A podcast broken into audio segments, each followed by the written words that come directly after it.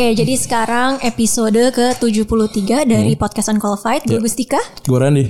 Uh, dan kali ini kita kedatangan tamu yang tadi kita barusan rekaman. Yep. Episode Risha. kemarin. Episode kemarin. Ada gue Rishad dari podcast Menyesal Yoi. Iya, tentang apa tuh podcastnya? tentang idoling JKT48 pengalaman gue dan teman-teman gue. Masih sekarang saat. Ma- kadang, Masih- masih kadang, kadang. Berarti gue mesti bikin episode tandingan tapi tentang BTS doang ya? Ini gue gue perlu telepon Rah- Rahel ya lu suka Udah Rahel? nggak usah, nggak usah, ya? nggak usah, nggak usah. Nggak usah ntar pingsan di Ah, sini. Oke. oke, oke. Ketemu kalian aja udah pi- udah grogi-grogi. Jangan gitu ya. Apalagi Lu mungkin akan pingsan kalau kita bahas materi ini nih karena materinya beneran wow sih. Iya, jadi kenapa gue ngelit? Soalnya gue rada takut nih. Jadi gue pengen lebih banyak nanya pertanyaan daripada ngejawab gitu Oke. kan. Oke. Oke, tapi kita mulai langsung dari judul aja ya. Ya. Kenapa lo masih beragama? Karena kenapa masih beragama? Gue dulu nih. Iya lo dulu deh. Lo Oke. apa apa tamu kita dulu nih yang Tamu ke sini? dulu deh untuk menghargai tamu deh. kalau gue beragama itu adalah mengamalkan yang yang apa yang dilakukan oleh panutan sebenarnya sih dari dan dan dan lu itu udah pernah ngalamin apa yang apa yang dibilang oleh panutan misalnya Nabi Muhammad bersedekah dan akan dimudahkan rezekinya. Gua melakukan itu dan dan ada hasilnya. Jadi Apa? eh agama maksudnya apa yang diajarkan agama terus nanti dapat ini loh. Dapat kejadian. Dapat dapat kejadian. Itu. Gue mungkin bisa nyambung dari situ sih. Gue tuh eh, nggak pernah superstitious ya. Tapi gue itu percaya sama yang namanya kualat. Hmm, Iya. Jadi kayak gak tahu ya. em, Ka- mungkin karmik karmik. iya sih. Karma ya? Mungkin di dalam Islam tuh nggak istilahnya bukan karma ya. Karafah, karafah. Karafah ya istilahnya. Nggak Tapi- tahu juga. Kafar, kafarat eh Karafah, pokoknya pokoknya akan ada balasan lah. Iya. Intinya Nah, balasan. gue gue mau cerita nih kan kayaknya beberapa orang udah tahu ya, gue punya sepupu yang meninggal waktu dia masih umur 7 tahun. Dia di Unqualified gue pernah cerita. Dan eh, dia itu karena nggak nurut sama ibunya. Dia bilang enggak aku mau aku mau berenang. Terus dibilang jangan jangan tunggu ibu dulu, ibu aku masih kecapean. Dia belum belum belajar berenang. Nah, dia tiba-tiba ngambil baju renangnya. eh, diam-diam dia berenang. Terus kam- kolamnya tuh yang zaman dulu tuh kayak ada apa sih Terjunan gitu istilahnya? Ada leveling. Ada Ya level. leveling. Nah terus dia kepleset, dia udah kemasukan air, paru-parunya lalu meninggal. Dari situ gue itu selalu percaya bahwa harus nurut sama orang tua gitu. Kalau nggak lo tuh bakalan kualat. Dan di Islam itu kan lo tuh eh, pertama yang lo harus hormati tuh ibu, ibu, ibu, ibu baru, baru bapak ayah. kan. Ibu tiga kali bapak sekali. Oh tiga berarti. gue kelebihan satu ya. Gue tambahin lagi, gue juga peng- pengalaman sih kemarin. Eh, itu jadi gue agak tipes gitu, lagi ada lah mau tipes, terus bilang nyokap gue, udah nggak usah ke Tangerang, nggak usah nggak usah ke mana-mana dulu. Akhirnya gue nekat ke Tangerang dan eh kena abis itu gue kena ini lipoma, di sini lipoma. Dan dua minggu bed rest apa gitu. Iya. Terus bilang nyokap gue makanya dengerin gitu. Akhirnya gitu. Kalau kalau lo Ran kenapa lo masih beragama? Kenapa gue masih beragama? Yang pertama karena satu keluarga gue beragama, yang jelas. Karena kan kita tidak punya rights untuk memilih lu lahir sebagai apa gitu. Eh, ya, ya lu, lu tidak bisa bis- tidak bisa memilih lu lahir di keluarga apa dan gue kebetulan lahir di keluarga muslim gitu. Eh jujur sih kejujuran ini jujur banget ya. Kenapa gue masih beragama? Karena gue masih takut. Kayak gue- yang kayak kayak beberapa kali gue bilang yang buat gue gue menganalogikan yang namanya akhirat itu seperti taman piknik gitu dan yang namanya beribadah yang namanya berbuat baik dan segala macam adalah bentuk menyiapkan bekal gitu nah kalau gue tidak menyiapkan bekal gue takutnya pikniknya beneran ada gitu. Ya gue ntar kelaparan gitu di tempat piknik gitu. Ya mendingan gue menyiapkan gitu. Kalau misalkan kita nggak jadi piknik ya gue bisa makan di rumah ibaratnya gitu kalau kalau nggak ada gitu. Ya gue gue lebih ketakutan sih. Gue memang jujur penyerahannya soal ket- ketakutan gitu. Bukan soal gue memang mungkin oh apa ya oh memang gue butuh gitu itu kan levelnya beda tuh takut butuh itu kan nah gue masih di level takut sih memang walaupun saya tidak beribadah dengan baik gitu Kayak, kayak gue juga baik. ya, Iya. maksudnya kan kita udah eh, sering lebih dari 24 Iya, jam kita kita bersama. ya kita ba- bareng tuh lebih dari 24 jam. Tahu lah kelakuan masing-masing Iya, gitu. tapi menariknya ini sih gue eh, bisa bilang gue itu lebih rajin beribadah waktu gue lagi di luar negeri daripada di sini di Oke. Indonesia. Entah Ada alasan ya.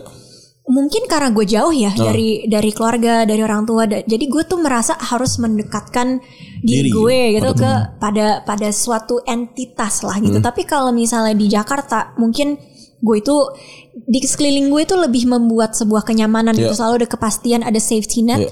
beda ketika gue sedang berada di luar negeri Tapi mungkin gue, ya Gue justru mendapat sebuah analogi yang bagus dari lagu Tulus. Hmm.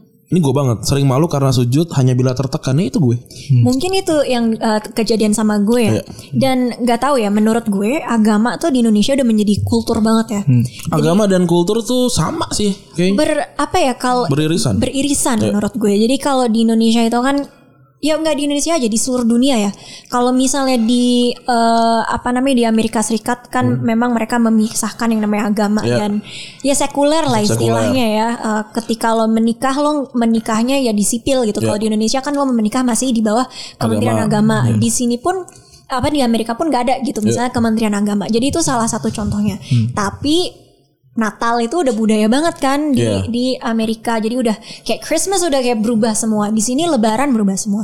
Nah ini ada satu riset nih dari Pew Research Center yang gue quote juga di di Google Form kita di pertengahan tahun 2020 ini uh, Pew Research Center itu mem- apa membuat studi dari 97% responden yang ngejawab pertanyaan apakah agama itu penting atau enggak mereka bilang penting Iya. itu jadi itu udah kayaknya budaya banget dan ini Tapi gue baca, gue baca dari responden ini responden banyak banget ya. Jadi kita mungkin hampir tidak mungkin membacakan Iya, banyak itu waktu juga 84 80 ini ya. something ya banyak. 84 eh ada yang bilang gini, itu yang itu yang eh, bilang bilang masih beragama mungkin takut dibilang apa sih dia, dia dia mungkin tidak beragama tapi dia dia bilang beragama karena teka- tekanan publik gitu.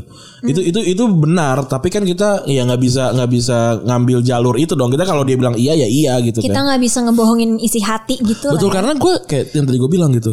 Kayak apa sih perbuatan agama ter- terkecil kalau gue Bismillah Ya. ketika naik ang- apa angkutan umum naik naik kendaraan gitu. Tadi kita kita pernah ngobrol juga Gustika makan baca baca Bismillah tidur juga baca doa tidur. Risha tadi bilang apa tadi Syat? niat niat Niat niat niat sholat subuh. niat sholat gitu subuh. kan kan kalau di Islam kan kalau niat dihitungnya sama dengan satu perbuatan baik gitu Iya. kan gitu itu tapi gue nggak makan babi gitu itu kan larangan dari dari agama ya Iya. iya dan tapi gue minum alkohol gitu Eh itu kan sebenarnya kalau mau lu hitung sama tuh dosanya gitu sa- sama-sama dosa gitu ya. Nah tapi gue jujur memang gue tidak makan babi karena agama gitu bukan karena bukan karena babi itu lebih tidak enak atau babi itu apa segala macam. Jujur murni total karena agama gitu. Eh tapi gue punya punya pembelaan. Gue gue bisa bilang kalau alkohol tidak ada substitusinya gitu. Gue mau minum apa gitu Soalnya gue mau minum apa yang yang sama rasanya gitu soju halal gitu apa gitu ada sih good mood anggur katanya kayak anggur merah gitu Oh rasanya, tapi Rasanya. yang dicari dari minum alkohol kan mabuk ya. Iya kan? sih. Iya, nah iya. kalau babi kan banyak daging lain gitu kan, dan gue juga kayaknya tidak begitu penasaran dan iya memilih untuk mengambil dosa yang gue suka gitu loh. Nah, gue pengen nanya nih sama Loran. Kan kalau misalnya lo di apa ya, kit, lo mengidentifikasikan diri lo sebagai muslim kan? Iya. Kalau gue pribadi nih, gue nggak keberatan sama sekali dibilang Ya, gue juga muslim. keberatan. gitu. Nah iya, tentu kan.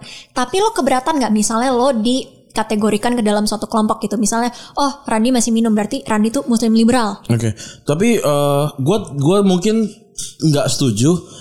Tapi gue tidak bisa bilang apa-apa. Sel- Kayak oh, dia mah kayak gini berarti dia liberal, dia tuh sekuler segala macam gitu. Ya kayaknya sih kalau kemungkinan besar sih seperti itu gitu. Maksudnya gue juga nggak bisa bilang Enggak, gue nggak gitu kok. Maksudnya terlalu capek untuk ngasih tahu ke orang-orang eh, dibandingin lu harus eh, apa accept aja gitu. Toh tidak ada yang berubah dari dari Iya, pandangan dari orang ya. dari dari pandangan orang dan keimanan kita gitu kan. Kayak gitu sih kalau gue. Tapi kalau gue cara pandangnya gue nggak suka dikelompokkan aja Oke, gitu. oke. Kalau gue pribadi ya, maksudnya kalau orang mau mengelompokkan gue Silakan. seperti apa ya itu opini mereka gitu. Tapi gue nggak, gue akan keberatan kalau misalnya gue dikelompokkan ke sesuatu Ya. yang misalnya secara mutlak gitu Ya. kayak Gustika sama dengan Muslim yang liberal. Ya. Gue nggak suka karena menurut gue agama itu sesuatu yang pribadi banget nih buat gue. Jadi gue nggak mau kayak Islam tuh ya udah Islam agama gue, terus cara gue beribadah dan lain-lain, cara gue berkomunikasi dengan Tuhan, servernya lah ibaratnya ya. Nah, tapi kita lahir kan tiga-tiganya lahir sudah dapat agama dari dari dari keluar dari orang tua gitu. by default by by default default.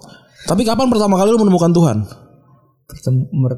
Eh, kapan nih dari sebenarnya sih dari SD itu udah dijejelin ya karena gua eh, masuk ke SDIT kan Islam terpadu itu bener dijejelin tapi untuk bener menemukan Tuhan itu waktu S waktu, waktu mau masuk SMA Ya. Itu bener-bener gue eh, yang nim name-nya di bawah 80 gitu kan untuk dapat negeri Jakarta kan susah. Ya. Dan nggak tahu kenapa it's a miracle gue dua terbawah di sekolah yang Hmm, dapat. gua nggak gua nggak di ada ada di 14 nih Ya. SMA 14 di Cililitan itu kan wah banget Ya. dan gua cuman yang penting gue tuh masuknya negeri yang ece-ece lah yang Ya. penting Iya. masuk mak gua nggak bayar gitu Ya. bapak gua nggak bayar dan itu tiba-tiba masuk dua terbawah gitu dan ya udah gue bersyukur banget itu Kalau itu bukan sentuhan dari sesuatu yang lebih besar dibanding manusia itu tidak mungkin tidak mungkin tidak gitu ya. mungkin terjadi itu Oke, kalau lu kapan Gus? Kapan pertama kali menemukan Tuhan? Kalau gue tuh mungkin nggak ada yang mistis-mistis gitu Ah. ya. Tapi gue tuh selalu merasa kayak gue tuh ke mana-mana tuh dilindungin gitu loh. Oke. Kayak gue tuh nggak nggak tahu ya kayak misalnya eh, kita bikin episode hampir mati kita ngomongin gimana lo hampir mati ada lo hampir mati gue kan nggak pernah ngalamin itu ya. Dan ya itu kayak misalnya salah satu contohnya ketika gue nyokap gue ngajak gue ke Paris gitu kayak "Eh, bu eh, apa Gus ibu masih ada visa Schengen nih. Ya. Eh, ke Paris yuk kamu nggak perlu visa kan? Terus gue bilang ibu ibu udah pernah ke Belgia belum? Soalnya aku kalau ke Belgia juga nggak perlu Kayak visa. gitu ya? Mm-mm. Itu kan apa namanya paspor diplomatik. Dan di hari itu tuh kejadian yang Paris attack Iya, itu Paris attack. 14 November. Dan itu gue merasa tuh kayak masih dilindungin banget. Jadi kayak hal-hal kecil kayak gitu ketika KBRI di di eh, rampok pakai bazooka bokap gue nggak ada padahal bokap gue kan orangnya nekat banget. So like I wouldn't say it's something yang kayak apa ya something mystical or anything. Tapi hal-hal kayak gitu sih yang membuat gue kayak percaya bahwa lindungan Tuhan tuh ada dan doa ibu tuh selalu ini sih selalu uh, Mendampingi. men- mendampingi gitu. Ada satu contoh lagi ini mungkin kayak balik lagi ke masalah kualat dan karma sama orang tua. Gue tuh pernah tindik hidung sebelah kiri sini, tapi dia nutup. Jadi uh, gue nggak bilang nyokap terus gue tindik terus pas nyokap gue tahu, gue kasih tahu sih dengan jujur nyokap gue marah tapi tetap gue pakai kan. Dan satu saat pas gue lagi tidur tindikannya copot terus langsung nutup. Terus gue kayak anjir ini nyokap gue nih doanya kenceng banget. Nah, gue percaya sih. Kayak gitu-gitu. Yang namanya ketika lo beruntung itu pasti doa ibu lagi lagi lagi dijawab sih. Tapi gini, tambahan lagi ya. Kalau buat gua nih, eh, kenapa gue masih beragama gitu, tapi tidak menjalani dengan baik? Gue tuh susah jadi baik sebenarnya. Tapi gua bisa untuk tidak jahat. Itu itu kayaknya pandangan gua untuk hidup ya. Kayaknya kayak gila gue susah banget sih maksudnya untuk jadi baik gitu. Gue gue sebagai anak itu buk, nggak bukan anak yang anak yang diharapkan jadi apa gitu. Gue gue bukan anak yang seperti itu. Sebagai teman juga gue biasa-biasa aja gitu sebagai sebagai pimpinan juga biasa aja, sebagai karyawan gue juga biasa aja gitu. Tapi seenggaknya gue tuh nggak jahat lah, gitu. Kayaknya itu hal terbaik yang kayaknya ketika nanti ada ada judgement gitu di di sana gitu. Kayaknya gue masih hitungannya masih orang baik deh. Kayaknya gue gue sampai situ aja gitu. Kenapa gue masih memilih untuk beragama gitu? Kenapa kenapa gue masih ter- menganggap diri gue terasosiasikan eh, terhadap agama tertentu gitu sih? Sama ini bang nambahin, Hmm? kalau gue beragama juga selain tadi alasan gue adalah membatasi, membatasi diri. Hmm? Jadi kan gue ini kan eh, yang tadinya tuh Islam batu SMA walaupun SMA negeri itu Definisi Islam banget tuh gimana? So eh, Iya dijejelin. taat banget gitu lo nya. Ya enggak enggak taat taat banget sih gue enggak taat taat banget. Jadi bat- batas gini misalnya nih, gue kan tidak minum alkohol dan makan babi ya. Ya, sampai sekarang. Dan ah Sampai sekarang. minum alkohol pernah. Oke, pernah. Pernah, pernah. Teman ya udah nggak lagi lah. Ya. Nah, di Untar sendiri itu itu tuh Islam termasuk minoritas. Hmm. Di situ banyak Buddha, Kristen, Ya. Protestan banyak. Dan teman-teman gue nih ada yang satu terjerumus ke eh, ini mereka dan sekarang tuh tadinya tuh gue berharapin ini teman gue nih lulus nih cepet pinter dan nggak karena nggak ada batasan jadi jatuh bener jatuh Hmm, jadi jatuh bener jatuh Buat lu agama itu adalah pagar. pagar ya. supaya nggak nyemplung ke hal-hal yang tidak lu harapkan. tidak gua harap. Setuju. gue. Dari 84 responden ini banyak juga tuh yang ngomong Banyak kayak yang gitu, gitu. tadi. Emang- Mungkin kita emang nggak bisa baca nih emailnya satu-satu. Tapi mungkin kayak ini kayak manual book tuh nggak kayak lu kayak, kayak beli handphone beli apa segala Ya, macam itu mungkin agama kayak manual book sebagai manusia gitu loh. walaupun jarang dibaca manual booknya Betul. Iya. Nah, eh lu pernah nggak nih berdua debat sama orang tua soal agama? Kayak harusnya kan orang orang tua kita Hmm. pasti lebih eh lebih baik beragama dibanding kita. Oh, actually iya. Gue tadinya mau bilang nggak, cuma iya. Hmm. Jadi gini, gue itu kan diajarin ngaji. Cuma gue tuh nggak suka kalau gue nggak tahu artinya apaan. Hmm. Ya udah, tapi nyokap gue bilang itu tuh bukan sekedar apa namanya bukan sekedar artinya doang Ya. yang perlu kamu tahu, tapi juga Cara bacanya. cara, bukan cara bacanya, cuma it's kind of like apa mengindahkan Al-Quran Oh, iya. kalau nyanyi Oh, atau iya. gimana gitu. Jadi dan itu bukan ada di agama Islam aja gitu. Maksudnya kalau ya, eh, Yahudi kan Yiddish atau gimana. Untuk agama Nasrani kan mereka walaupun udah ada terjemahan Alkitabnya segala macam, mereka masih eh, apa namanya percaya. Kalau misalnya lo, lo di- Katolik sih gitu. Latin tuh masih jadi bahasa yang sangat penting gitu. Hmm. Dan kalau nyokap gue sih argumennya adalah kalau misalnya semuanya langsung ditranslate doang gitu dan nanti lama-lama bahasa Arab hilang gitu dan nggak buka kita nggak mengambil peran untuk meng apa ya kayaknya you know to stick to that yang emang sudah diturunkan kata per kata dari di, di, di Al-Qur'an itu siapa yang mau jaga nanti gimana kalau misalnya tiba-tiba diubah gitu artinya karena ada Karena tidak ada yang beberapa menghafal. karena bukan menghafal aja cuma kayak karena tidak di apa ya Dijaharkan. Iya gitu karena lo terlalu fokus sama ya udah ininya kayak artinya tuh apa Iya. gitu. When you know translations are different dan dan hal-hal kayak gitu sih yang yang uh, gue de- perdebatkan perdebatkan sama nyokap gitu. Jadi karena ya gue nggak suka aja ketika gue baca sesuatu tapi nggak tahu artinya. Dan banyak juga kan orang misalnya yang kayak jago banget uh, ngafal nih, mereka ngafalin al-fatihah, tapi lo bisa nggak sih ngertiin al-fatihah gitu kan? Oke, Pak, gue paham sih konteksnya. Kalau eh, Richard, gue sebenarnya nggak pernah debat soal agama ya. Cuman bapak gue itu kolot konservatif sekali. Eh, jadinya gue tuh dulu waktu memilih kuliah itu pokoknya dia bilang papa nggak mau eh ma- eh, ku- eh, mas kuliah ke yang ada agama-agama tertentu karena duit papa tuh nggak mau buat buat kegiatannya mereka gitu ya. Tapi gue setuju ya, eh, karena dari email nih, dari email nih, ada yang bilang kayak, gue sering berantem sama bokap, bokap nyokap karena soal eh, keributan di grup WhatsApp, terus segala macam yang kayak, lu ya udah deh gue pengen beragama sesuai sama gue, sama gue aja gitu, kata kata si anak gitu. Gue setuju, total setuju karena lu juga sebuah individu yang yang lepas gitu ya dari orang tua dan segala macam. Tapi lu, lu harus inget nih men, lu tuh masih anak gitu. Iya. Apa pun yang lu lakukan bentuknya adalah sebuah pengabdian ke orang tua, sopan dan segala macam. Iya. Bisa nggak sih nggak didebatin gitu loh? Toh mau menang mau menang jadi abu, kalah jadi arang. Setuju nggak? Bener nggak? Lu mau mau adu pintaran apa sih gitu sama sama bokap? Gue gue juga dulu anaknya Badung yang tukang lawan gitu loh yang kayak oh enggak kalau orang kata ini enggak gitu loh. Sekarang kayak oke kalau lu percaya itu oke gue akan iya di saat ini tapi gue tidak akan gue lakukan karena beda beda pandangan sama gue gitu. Kelar nggak ada nggak ada berantem karena Iya. sering banget berantem soal agama. Ya, ya lu yakin, lu tahu bokap nyokap lu memang memang tidak se- sepaham itu sama agama. Iya. Tapi kan lu juga enggak gitu loh. Jangan berantem soal itu deh gitu. Iya, jadi kayaknya kalau mau berantem tuh berantem yang penting-penting aja. Betul, ya, esensial. gitu. Kayak Esensial. masa kalau gue kan sebenarnya bukan berantem yang gimana, cuma lebih, lebih berdialog Betul, aja kayak. betul. Oke, langsung masuk email aja sekarang gitu. sekarang gue mau langsung masuk email ya. Ini ada salah satu email sebenarnya dari temen gue juga ya. Mm-hmm. Dan menurut gue ini menarik karena ini lebih food for thought daripada kayak apa ya pandangan individual ya, Mm. yang kebanyakan email gitu. Yes. Gue bacain dari Bright um, dan dia domisili Jakarta. Hai Gusika dan Randi, thanks banget udah buka ruang ini. Means a lot. Cuma mau komen dikit aja tentang pilihan untuk beragama. Gue rasa ada kondisi yang perlu kita kritisi bersama ya di Indonesia. Kalau anak Australia bilang dia memilih beragama, mungkin kita bisa dengan mudah menerima. Tetapi untuk anak Indonesia dengan kondisi agama itu ditanamkan sejak bayi, rasanya sulit juga untuk mengatakan bahwa itu pilihan. Mirip Mirip-mirip anak white supremacist di Amerika yang mengaku memilih menjadi white supremacist. Sementara seumur hidupnya secara sosial dan psikologis, dia belum pernah dapat kesempatan untuk melihat opsi lain secara fair. Udah gitu di Indonesia, narasi yang countering agama juga nggak bisa berkembang karena ada UU penodaan agama dengan ancaman pidana sampai lima tahun penjara. Gue rasa perlu lebih banyak usaha untuk memberikan kesempatan yang lebih fair untuk manusia Indonesia bisa memilih apakah beragama atau tidak. Just a thought. Setuju. Mungkin gue setuju. Tapi gue gue pengen masuk juga sih kalau ini gue kasih contoh nyokap gue, nyokap gue dan bokap gue. Well, terutama nyokap gue kan eh, sekolah Katolik ya seumur hidupnya. Jadi gue bisa mengatakan bahwa mungkin dia memilih gitu untuk menjadi Islam. Karena ada juga kok teman-teman dia yang sekolah Katolik terus tiba-tiba menjadi non Muslim gitu. Dan nyokap gue tuh taat banget by the way.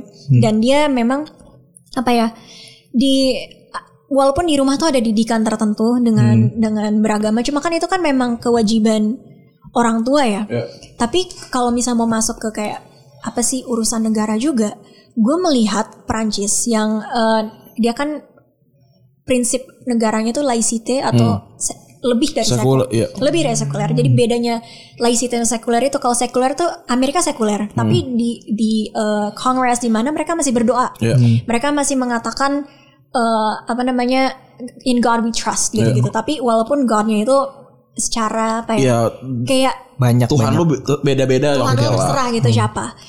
Tapi dan kita lihat kayak policies di Amerika itu masih terpengaruh sama uh, Bible gitu. Misalnya polisinya uh, Trump terhadap Amerika Serikat itu Amerika Amerika Serikat ya Israel dan Palestina itu sangat terpengaruh oleh Bible dan evangel- evangelist gitu kan. Um, wakil presidennya Trump adalah evangelist. Dan itu emang diincarnya, diincar, Iya betul. diincar. Iya. Nah jadi kayak menurut gue nggak tahu sih karena menarik aja ini ngomongin Australia dan Amerika Serikat.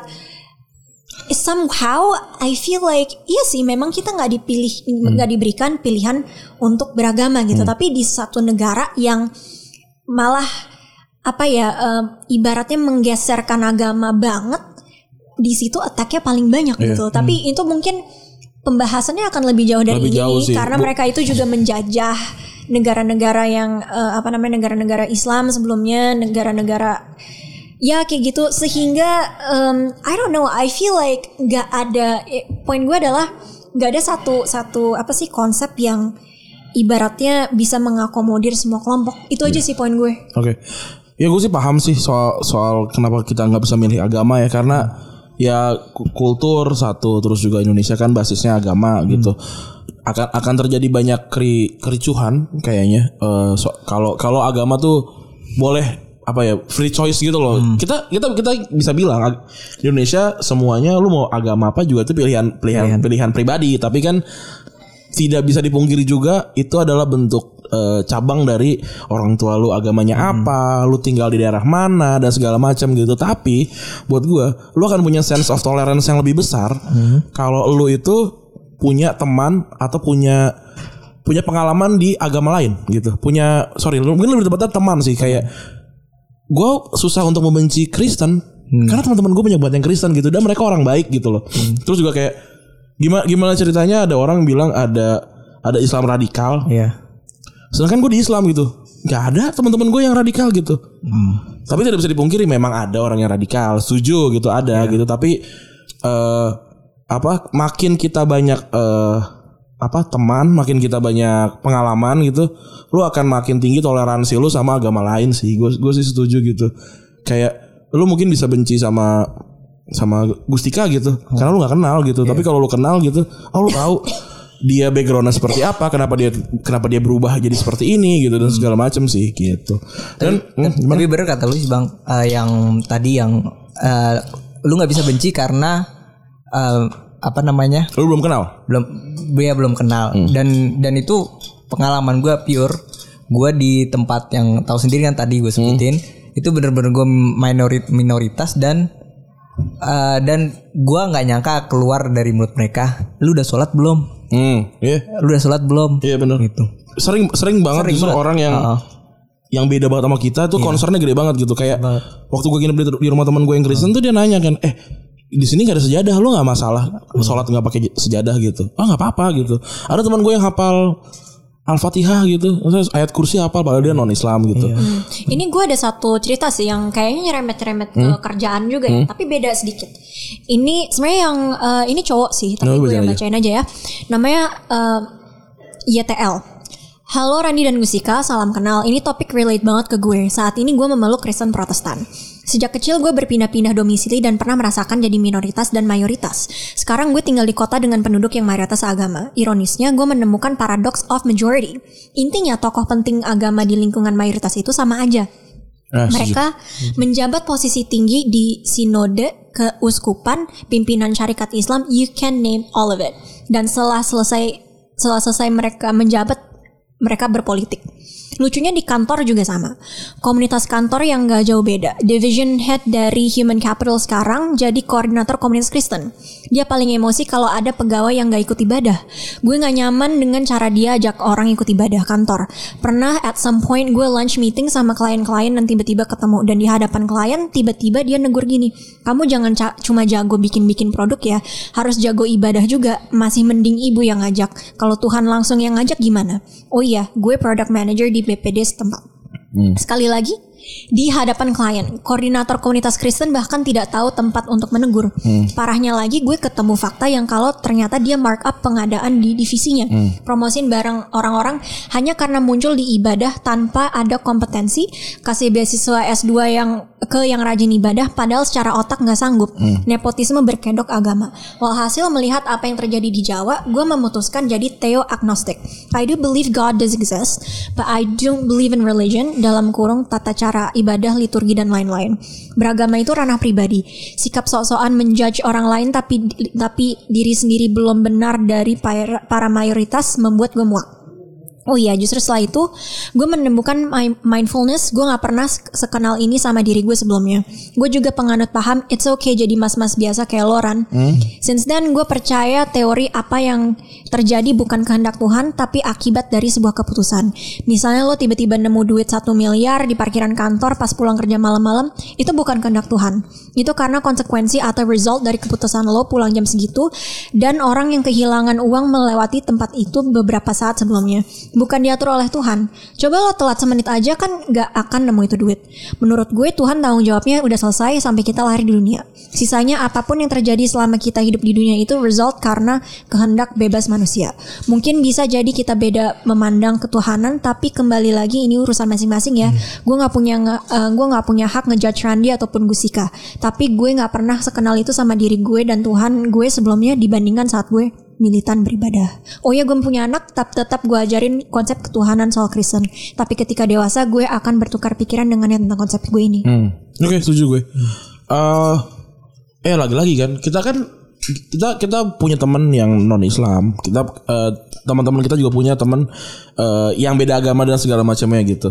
Mereka nggak baca buku nggak baca buku panduan agama kita kan. Mereka nggak baca Al-Qur'an, kita nggak baca Alkitab gitu kita nggak baca Terweda dan dan segala macam gitu uh, apa kitab-kitab agama lain gitu tapi kan gimana caranya kita ngasih tahu kalau eh agama gue tuh agama yang baik agama hmm. agama gue tuh agama yang santun gitu dengan cara perilaku kan gitu hmm. kan jadi uh, kalau kalau emang lu pengen mengendorse agama lu itu bukan bukan dengan cara nyuruh eh baca dong kitab lo segala macam. Ya perlakuan aja gitu. Emang yeah. harus jadi jadi orang baik aja gitu. Mm. oh dia baik nih. Baiknya karena apa ya? Karena agamanya kah gitu? Eh gue pengen tahu deh agamanya gitu. Kayak gitu sih. Mm. yang yang yang gue yang gue coba untuk di hidup gue gitu. Dan uh, eh, gue juga nggak nggak pernah apa membuat diri gue terlihat seperti agama agama gue gitu. Karena berat bebannya buat gue gitu. Kayaknya gue mendingan jadi bawa diri gue sendiri. Ini gue gue orang gue orang yang mungkin tidak baik tapi gue nggak jahat sama lo gitu iya. Dan, tapi menarik tuh Ran berarti kayak ini ya uh, kalau misalnya lo bilang kayak Mother Teresa Gandhi iya. Gandhi bukan orang yang apa sih bukan ini ya bukan he's not a, a religious nah. figure tapi jadinya orang penasaran oh ternyata dia tuh kayak gini dan berperang dia, tanpa senjata Gandhi iya hmm, karena fi, dan filosofinya tuh dari mana filosofinya ya, kan dari, dari agamanya dari agamanya dia ya sebagai orang Hindu nah. terus um, apalagi Dalai Lama contohnya Dalai Lama itu kan juga, kan contoh-contoh Nabi Muhammad pun Nabi walaupun Muhammad. jauh banget banget ya, iya. maksudnya ke belakang. Menarik sih uh, iya. tadi yang lo bilang. Karena uh, memang kayaknya harus dipisah deh. Uh, ya walaupun walaupun tidak tidak bisa ya. Hmm. Uh, bukan tidak bisa, sulit gitu. Hmm. Agama dan pemeluknya gitu. Sometimes emang ngehe aja gitu. Emang ada ada orang Islam ngehe, ada orang iya. Kristen ngehe, ada orang yang nggak beragama juga ngehe gitu. Makanya jangan jangan benci sama agamanya gitu. Lu lu lu boleh benci. Gua gua sama sekali nggak masalah lu mau benci Osama bin Laden misalnya gitu. Hmm. Kalau emang lu anggap itu dia teroris gitu, lu lu boleh benci dia gitu. Tapi bukan agama. Tapi bukan agamanya gitu karena nggak nggak diajarin gitu, nggak diajarin gak gitu, diajarin. Gak, emang nggak diajarin. Dan agama itu kan turun awalnya kan dari dari ucapan, iya. tapi kan tertulis nih gitu. Hmm. Nah kita tahu dari tulisan gitu loh. Uh, memang kadang-kadang tulisan itu bisa multitafsir gitu kayak uh, lu sering deh chat-chatan gitu terus ada chat yang kayak ini maksud dia apa ya? Nah itu tuh pemahamannya beda-beda gitu.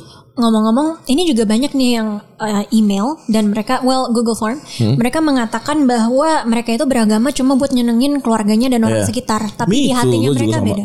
Oh gitu. Gue sometimes kayak gitu. Yang nggak nggak. Kalau gue beragamanya enggak, tapi beribadahnya kadang ya. Iya iya. Gue juga gue beribadahnya juga yang yang nggak usah bohong deh gitu. Kayak- Beragamanya enggak tapi. Kayak eh sholat gitu. Iya sholat. Eh, sholat karena disuruh kan. Iya. Gitu. Ya, gue setuju gitu. Ngaji, Tapi ngaji, ngaji ngaji gitu. Tapi kan beda ya ber- beragama Betul. Sama beribadah. Kalau ini be- beragama karena buat nyenengin orang sekitar. Tapi Sebenarnya tapi mereka mu- sendiri nggak percaya. Tapi mungkin eh eh, in apa ya turunannya sih kayaknya sama ya. Maksudnya dia tujuannya beragama itu Iya. mak- maksudnya Iya, iya. in konteks beribadah terus, But I mean, terus segala like, macam. lo kalau kalian nih kalau misalnya disuruh disuruh pindah agama nih, mau nggak? Enggak. Enggak, Nah, enggak juga. Gue enggak, jangan kan disuruh pindah agama, gue disuruh pindah, pindah duduk kalaupun gue gak mau, gue gak mau gitu. Pindah duduk kan? Nggak mau karena karena ini loh, karena itu kan sebuah eh, free choice gitu ya. Iya. Dan dan dan lu harus semua semua harus menghargai apa ya ap- eh, kita kita tuh siapa gitu.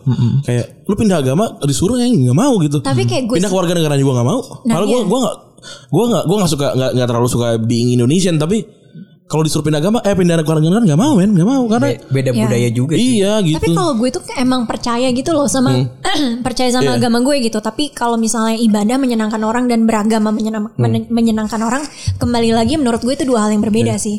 Betul. Gitu. Ini ada juga di email yang bilang beragama karena privilege. Hmm. Alasan gue beragama karena ya banyak privilege yang dimiliki agama dimiliki agamanya. Bisa dibilang aku ini beragama hanya untuk kepe- kepentingan administratif. Walaupun begitu aku tetap setuju kalau agama itu penting. Karena agama itu berisikan beberapa nilai value manusia itu kan hidup perlu ada value sebagai acuan tindakannya untuk menghindari chaos di tatanan masyarakat. Aku memandang agamaku ini tanda tanda kutip hanya identitas karena aku punya value yang bertentangan dengan value agama yang aku pasang di KTP ku. Jadi sebenarnya yang menurutku penting itu menganut value-nya bukan agamanya. Oke. Tapi gue punya Kalau gue sih dari sini. kalau gue sih menganut agamanya gitu. Kalau gue ah, karena agama eh value-nya itu berja- branding sama agamanya gitu. Kenapa gue harus melepaskan agamanya? Kan dapat dua-duanya kalau gue gitu. Tapi gue penasaran, ini kan ngom- lo ngomongin value sama agama ya. Kalau misalnya RUU Minol itu jadi UU, Hmm? lo mau pindah agama nggak? Di KTP aja tapi. Ya kalau pindah agama pun kan tetap nggak boleh kan itu Islam apa Indonesia dong. Iya. Maksudnya kalau non Islam kan tetap nggak boleh kan kan nggak kan haramnya kan Enggak, disuruh. Eh, Kalau nggak salah, enggak sih? Enggak eh, minol itu pelarangan penjualan setahu gua. Iya, but- tapi ada juga yang kalau gue baca dari presentasinya yang di, di website DPR itu buat agama Islam dan lain-lain gitu. Nah Jadi itu kayak- lain-lainnya belum nah iya. Tapi kan kan. kalau misalnya eh, lo orang adat nih, Hmm, katanya boleh. Jadi misalnya gini, Oke. eh, minol itu gong, Hmm? tapi cuma orang Islam yang nggak boleh minum alkohol. Nggak pindah, gua lo nggak nggak pindah. Karena eh sama kayak babi gitu. Eh maksudnya Tapi kan misalnya lo ke mana gitu terus dicek KTP-nya terus lagi lagi minum alkohol terus lu cek KTP-nya gitu. Ya itu kayak kayak lu lagi belok kanan langsung gak sih? Maksudnya kayak ya lagi sial aja gitu maksud gue. Tapi maksud gue kok bisa lu sampai maksudnya kok bisa kita maksudnya kayak ah, gue, gue mau minum alkohol gue mau pindah agama gitu maksudnya kayaknya levelnya belum nggak di situ gitu. Level levelnya kayak lebih tinggi deh gitu. Toh juga sekarang makan babi kan gak di- di- dilarang sama negara gitu ya. Tapi tetap tidak gue lakukan karena memang Iya iya. agama gue men- menahan itu gitu sih Kalau gue itu mikirnya ya, Hmm. gue pernah kayak gue sempet sempet bilang ah gampang ah tinggal gue ganti aja agama di KTP kan di KTP doang yang beda. Tapi gue nggak mikir kalau misalnya gue mau naik haji gimana? Itu kan harus ada Iya. bukti kalau gue muslim kan. Iya kayak kayak gue berpikiran untuk kayak nih kayak gue harus harus nikah sama yang beda agama nih gitu kan. Kayaknya kalau dia kalau emang lu ribet gue aja yang pindah deh gue bilang gitu kan. Toh cuma cuma administrasi gitu. Ada opsi pernah ada opsi gitu. Terus kayak kayaknya enggak deh. Maksudnya kenapa lu harus mainin agama lu gitu? Maksudnya kalau Iya iya. eh, Soalnya kan lu tuh dapat KTP tuh juga ada effortnya gitu. bener sih. Tapi kan itu kan kayak lo ya udah KTP sama apalah tuh nggak. Kalau buat gue sih eh Tuhan tuh nggak bisa dibohongin gitu ya. Maksudnya Iya. kayak kayak kayak Tapi administrasi bisa. administrasi bisa dibohongin gitu tapi enggak deh gitu kayaknya itu terlalu terlalu batasnya terlalu di bawah batas gue deh gitu. Kalau gue sih cuma kalau misalnya nggak karena gue belum haji, gue nggak. nggak masalah Itu sih yang yang yang jadi masalah. Kalau misalnya gue tiba-tiba nanti ganti nih ada Hmm. tulisannya penganut kepercayaan gitu. Ya gimana gue mau gimana gue mau umroh atau naik haji gitu kan? Hmm. Iya, itu soal administrasi gue. tapi kalau gue sih enggak sih maksudnya kalau ada larangan dilarang maksudnya kan tidak tidak prem- premier ya tidak primer gitu maksudnya yang kayak minum alkohol, makan babi, terus kayak Iya. seks di luar nikah gitu itu kan nggak nggak nggak primer ya maksudnya untuk apa gitu kecuali kalau misalkan tidak boleh eh, bernafas selama 10 menit gitu misalnya. Yang aneh-aneh deh gitu ya ya itu baru kayak gitu. Tapi gua enggak sih. Kalau lu gimana? Apa? Oh nggak pindah ke- eh, pindah karena ada hobi lu kesukaan lu yang dilarang sama pemerintah dan agama itu. Tapi kayak lo pindahnya tuh secara administratif Iya doang bohong gitu. doang bohong. Enggak sih nggak bakal pindah sih. Iya sama gue juga nggak. Kayak, kayaknya itu level levelnya di bawah deh. Jujur gue sempat kepikiran. Gue juga sempat yang kayak gue bilang gue sempat eh, kepikiran untuk pindah pindah agama supaya bisa bersatu gitu kan. Eh, enggak, eh, enggak deh enggak enggak perlu. Sama juga gue pernah deketin cewek juga yang beda, sempat kepikiran gitu. Cuman eh, gue kembali lagi ke keluarga, bokap gue nggak bakal setuju gitu. Pokoknya awas aja gitu. Mantan gue tuh gak ada yang Islam loh satupun. Tapi eh, gue gue sendiri sih nggak pernah kepikiran ya untuk untuk pindah agama atau gimana. Tapi mantan gue eh, sempet nih mantan yang yang yang gue empat tahun orang Prancis. Tapi dia bilang gini kalau misalnya gue harus pindah agama, gue mau seks di luar nikah. Dan itu kan satu kayak red line gitu buat gue. Gue kan seliberal liberal yang lo anggap gue, gue tuh masih uh, you know draw the line di makan babi dan seks luar nikah gitu. Iya. Dan itu gue kayak kalau gitu ngapain itu kan ngorbanin value gue yang juga turunan dari agama tersebut. Akhirnya kita kandas gitu. Ya bagus. Gue juga kalau apa disuruh pindah agama karena bukan kemauan gue, gue gak akan mau sih. Gitu. Tapi kalau misalnya dipaksa di- ada ada pistol di, di jidat gue, gue pindah. Tapi lo dalam hati kayak asyhadu alla ilaha Iya kan illallah. terbukti kan ada yang kayak gitu kan emang ya Iya, nggak iya. apa-apa gitu kayak gitu Eh, kayaknya gitu ya untuk soal agama-agama ini karena apa ya kayak ter- terlalu susah untuk di terlalu dikulik banyak nih Iya, sama terakhir sih dari dari yang nyambung dari lo. karena tercatat eh terekam nih soalnya kalau lo mau ngobrol sama gue di jam 3 pagi baru kita bisa ngobrol hal-hal yang lebih Tapi tapi yang, yang soal yang soal ini sih soal soal pistol di kepala lo yang menurut gue eh, menarik untuk lo tonton juga Hotel Mumbai kalau nggak Oh, salah. gue nonton, gue Nah, lo nonton itu deh. Itu tuh kayak mungkin lo bakalan mikir lagi kayak agama tuh penting gak sih? Soalnya kan ada satu karakter yang ya yang gitu lah. Lo nonton aja sendiri. Gue jadi kepikiran gak tapi gini eh kan gue juga tidak bisa membuktikan agama gue benar ya walaupun gue percaya gitu Eh, banyak kesaksian banyak kesaksian setuju gue nah karena ka- ini ini ini gak usah dijawab ya soalnya ini emang agak-agak gini. Gue gue ada momen berhenti ketika gue mulai menonton banyak kesaksian mat- mati suri. Ah, mati suri di semua agama ya di semua agama ada yang mati suri kan? Di Islam ada yang mati suri terus cerita kena gimana ceritanya gitu? Iya saya ketemu sama ini ini ini bentuknya definisi sama yang kayak di di di kitab gue gitu ya. Iya. terus ganti agama. Gimana mati suri? Kayak gini ya gue ketemu sama ini ini definisi seperti di kitab dia gitu segala macam segala macam. Terus kayak gue mikir jangan-jangan nih memang ada beda-beda nih. Ada di situ kayak wah jangan-jangan begitu nih. Ya tapi akhirnya setelah gue pelajarin dan segala macam ya ya kembali lagi. Nah inilah pentingnya agama buat gue. Just mak- makanya gue pengen mengending soal itu. Pentingnya buat gue agama adalah tempat gue pulang ketika gue sudah hilang arah. Ah. Iya. gue ada momen yang ketika gue gue udah gak percaya hal-hal yang kayak gini karena satu males ya. Gue gue jujur aja kadang- kadang-kadang kayak bilang apa agnostik atau apa ateis, ateis. Jujur karena malah sholat gue. Iya. gitu. Gue mah jujur aja. Kalau teman-teman yang ateis dan agnostik tidak malah sholat ya nggak apa-apa. Kalau gue sih iya waktu itu. Iya. karena gue gue nyari lama berbulan-bulan gue tersesat dan segala kalau gue pesantren 6 tahun men. Iya.